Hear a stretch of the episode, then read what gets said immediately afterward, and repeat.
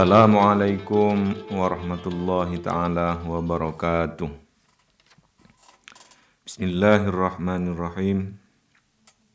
Innal hamdalillah nahmaduhu wa nasta'inuhu wa nastaghfiruh wa na'udzu billahi min syururi anfusina wa min sayyiati a'malina may yahdih may yahdihillahu fala mudhillalah wa may yudlil fala أشهد أن لا إله إلا الله وحده لا شريك له وأشهد أن محمدا عبده ورسوله amma ba'du. Kali ini saya akan menyampaikan tentang tema ibadah antara karena pujian, karena kewajiban, atau karena mengharapkan surga, atau hanya semata mendapatkan ridho Allah Subhanahu wa taala. Manusia diciptakan tidak lain untuk menghambakan diri hanya kepada Allah. Begitulah Allah memiliki misi dengan diciptakannya manusia. Allah tidak mengharapkan apa-apa dari misi tersebut. Allah hanya berharap pada hambanya untuk menjadi yang terbaik di sisinya. Tentu harapan tersebut tidak berkonsekuensi buruk bagi Allah, semisal kecewa atau merasa dikhianati, justru konsekuensi buruk itu dirasakan oleh hamba kelak jika tidak melaksanakan misi tersebut. Sifat penghambaan diwujudkan dengan melaksanakan segala perintahnya dan meninggalkan seluruh larangannya. Keduanya merupakan ibadah yang tidak boleh, tidak harus ditaati oleh seorang hamba. Karena ibadah merupakan aktivitas utama dalam kehidupan. Sebagai penempa diri seseorang untuk menjadi hamba yang mampu meraih ridhonya. Tentang aktivitas ibadah berupa perintah, Allah mengklarifikasinya dengan memberi status pada masing-masing ibadah ada ibadah yang status hukumnya wajib dan ada yang sunnah.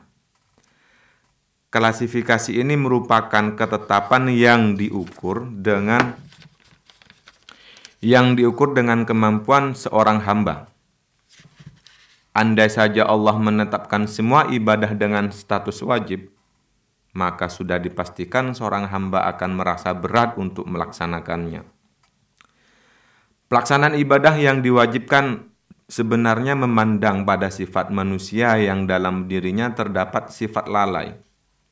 Oleh sebab itu, andai saja Allah tidak memberi status hukum wajib pada suatu ibadah, semisal sholat lima waktu, dimungkinkan tidak ada seorang hamba yang akan melaksanakan sholat lima waktu.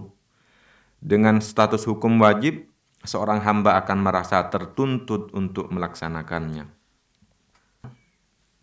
melihat kemampuan seorang hamba dalam pelaksanakan dalam pelaksanaan ibadah, maka ada hamba yang hanya mampu melaksanakan ibadah yang wajib saja dan ada hamba yang tidak hanya mampu melaksanakan ibadah yang wajib, tapi ibadah yang sunnah pun menjadi rutinitas dalam kesehariannya. Kemampuan seorang hamba yang kadang dibelenggu oleh kelalaian dan kemalasan membuat dirinya pilih-pilih dalam melaksanakan ibadah jika tidak wajib, tidak dilaksanakan. Melaksanakan ibadah karena ada tuntutan. Lebih jelasnya, karena khawatir pada konsekuensi diwajibkannya suatu ibadah, yakni menghindar dari ancaman siksa neraka dan mengharapkan nikmat surga. Memang, dalam pelaksanaan ibadah, seorang hamba memiliki tingkatan tertentu, berawal dari belajar atau melatih bagaimana beribadah sesuai kondisi hatinya. Hal ini sebagai proses untuk mencapai tingkatan ibadah yang paling tinggi di sisi Allah. Oleh sebab itu, ada hamba beribadah karena masih belajar, ada hamba beribadah karena semata memenuhi kewajiban, ada hamba beribadah karena mengharapkan pujian, ada hamba beribadah karena seseorang, ada hamba beribadah karena mengharapkan surga. Ada hamba yang beribadah semata-mata penghambaan. Hamba beribadah karena belajar, ini merupakan tingkat pertama dalam melaksanakan ibadah. Seorang hamba memang harus belajar terlebih dahulu. Dalam hal ini ditetapkan kepada seorang hamba yang baru beranjak berumur remaja kemudian dewasa. Ibadah yang dilaksanakan remaja atau yang sudah dewasa masih dalam tahap belajar. Kewajiban pelaksanaan ibadah bagi seorang remaja dituntut kepada orang tua. Jika remaja tidak melaksanakan ibadah karena tidak mendapatkan bimbingan dari orang tua, maka yang berdosa adalah orang tua. Oleh sebab itu, Rasulullah memerintahkan kepada para orang tua untuk menyuruh anaknya sholat ketika mencapai umur tujuh tahun. Ketika berumur 10 tahun, jika anaknya enggan melaksanakan sholat, Rasulullah menyuruhnya memukul, namun dengan pukulan yang tidak membahayakan. Sebenarnya bimbingan yang tepat dan bijak adalah orang tua tidak menyuruh, melainkan mengajaknya bimbingan dengan cara mengajak akan lebih berpengaruh dan hasilnya sangat baik. Tahap selanjutnya adalah hamba beribadah karena semata memenuhi kewajiban. Melaksanakan ibadah karena kewajiban. Pelaksanaan ibadah seperti ini lebih kepada karena merasa dituntut atau memiliki beban. Seorang hamba yang melaksanakan karena kewajiban biasanya tidak memperhatikan aktivitas ibadahnya Menurutnya, yang penting sudah melaksanakan tanpa memikirkan kembali untuk memperbaiki ibadah selanjutnya. Seorang hamba yang melaksanakan ibadah karena kewajiban hanya merasakan lega sesaat, merasa terlepas dari kewajiban, merasa tanggung jawabnya sudah dilaksanakan. Setelah itu, dia tidak merasakan bekas yang mempengaruhi di dalam hatinya yang akan membuat dirinya lebih baik. Makanya, tidak jarang ada orang mengeluh tentang firman Allah yang menyatakan bahwa solat mencegah perbuatan mungkar. Mereka seperti tidak percaya dengan firman Allah tersebut karena merasa solatnya tidak mempengaruhi dirinya menjadi lebih baik. Biasanya seorang hamba yang melaksanakan hanya karena kewajiban, dia mengatakan begini, yang penting saya sudah melaksanakan kewajiban, saya sudah bebas dari tuntutan melaksanakan solat. Masalah diterima atau tidak urusan belakangan. Kemudian ada hamba yang melaksanakan ibadah karena mengharapkan pujian. Tentu yang dimaksud pujian di sini adalah pujian dari orang lain. Karena mengharap pujian dari orang lain, orang yang seperti ini berupaya semaksimal mungkin bagaimana ibadahnya bisa dinilai oleh orang lain yang kemudian dianggap baik. Bahkan, tidak jarang dari gerak-geriknya dibuat sedemikian rupa kelihatan bagus. Ketika membaca ayat-ayat Al-Quran di dalam sholatnya, dilantunkan dengan suara-suara dan lagu yang membuat orang lain tertarik. Ketika keluar dari tempat ibadahnya bergaya laksana ahli ibadah. Orang yang melaksanakan ibadah karena mengharap pujian dari orang lain, dia akan merasa ibadahnya sah atau sempurna ketika diketahui oleh orang lain dan mendapat pujian.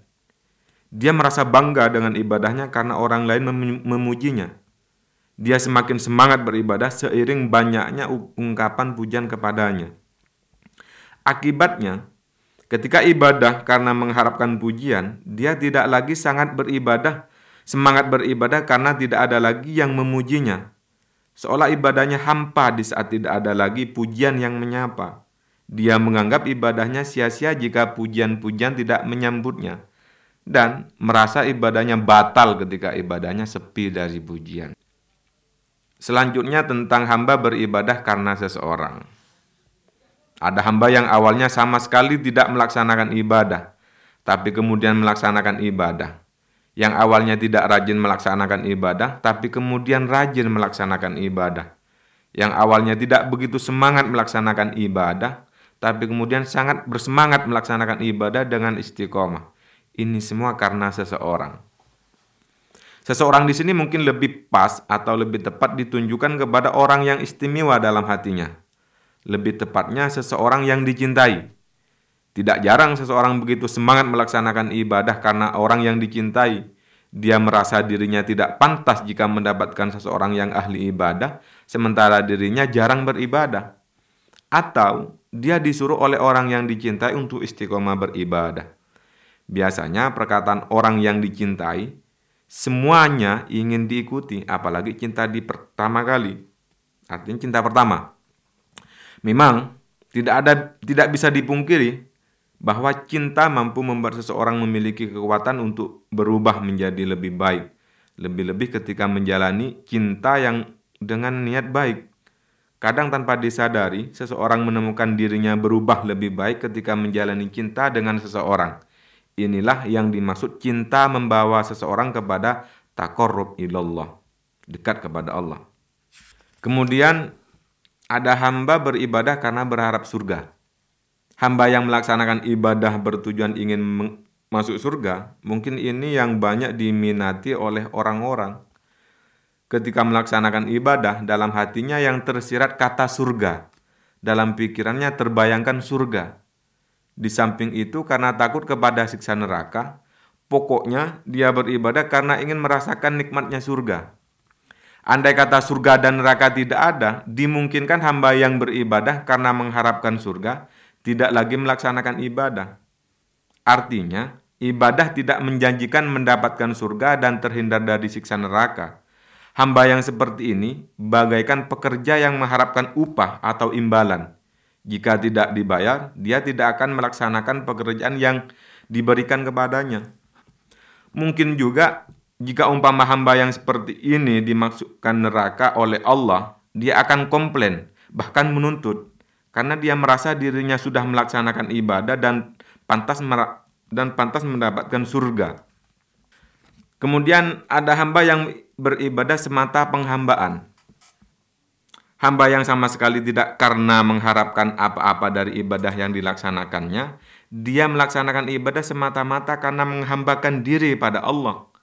Dia tidak memandang apa-apa, bahkan surga yang dijadikan jaminan bagi orang yang ahli ibadah, baginya tidak ada apa-apanya. Hamba yang seperti ini adalah hamba yang benar-benar menyadari keberadaan dirinya di dunia. Dia hanya merasa bahwa dirinya tidak pantas mengharapkan apa-apa kepada Allah dari ibadah yang dia lakukan. Bahkan, dia merasa dengan diciptakan dirinya di dunia ini sudah melebihi dari ibadahnya yang dianggap kecil. Dia merasa tidak pantas jika mengharapkan imbalan dari Allah hanya karena melaksanakan ibadah. Semaksimal apa pun ibadah yang dilaksanakannya, tetap merasa tidak bisa dibandingkan dengan nikmat Allah yang diberikan kepada dirinya selama dia hidup. Jadi, dia beribadah tidak lain hanya sebagai wujud penghambaan kepada Allah. Jika dia berharap dari imbalannya, dari ibadahnya, mungkin dia hanya berharap ridho Allah, tidak lebih dan tentu tidak lain dari itu. Demikianlah tentang ibadah karena pujian, karena kewajiban, karena mengharapkan surga, dan karena mengharapkan ridho Allah.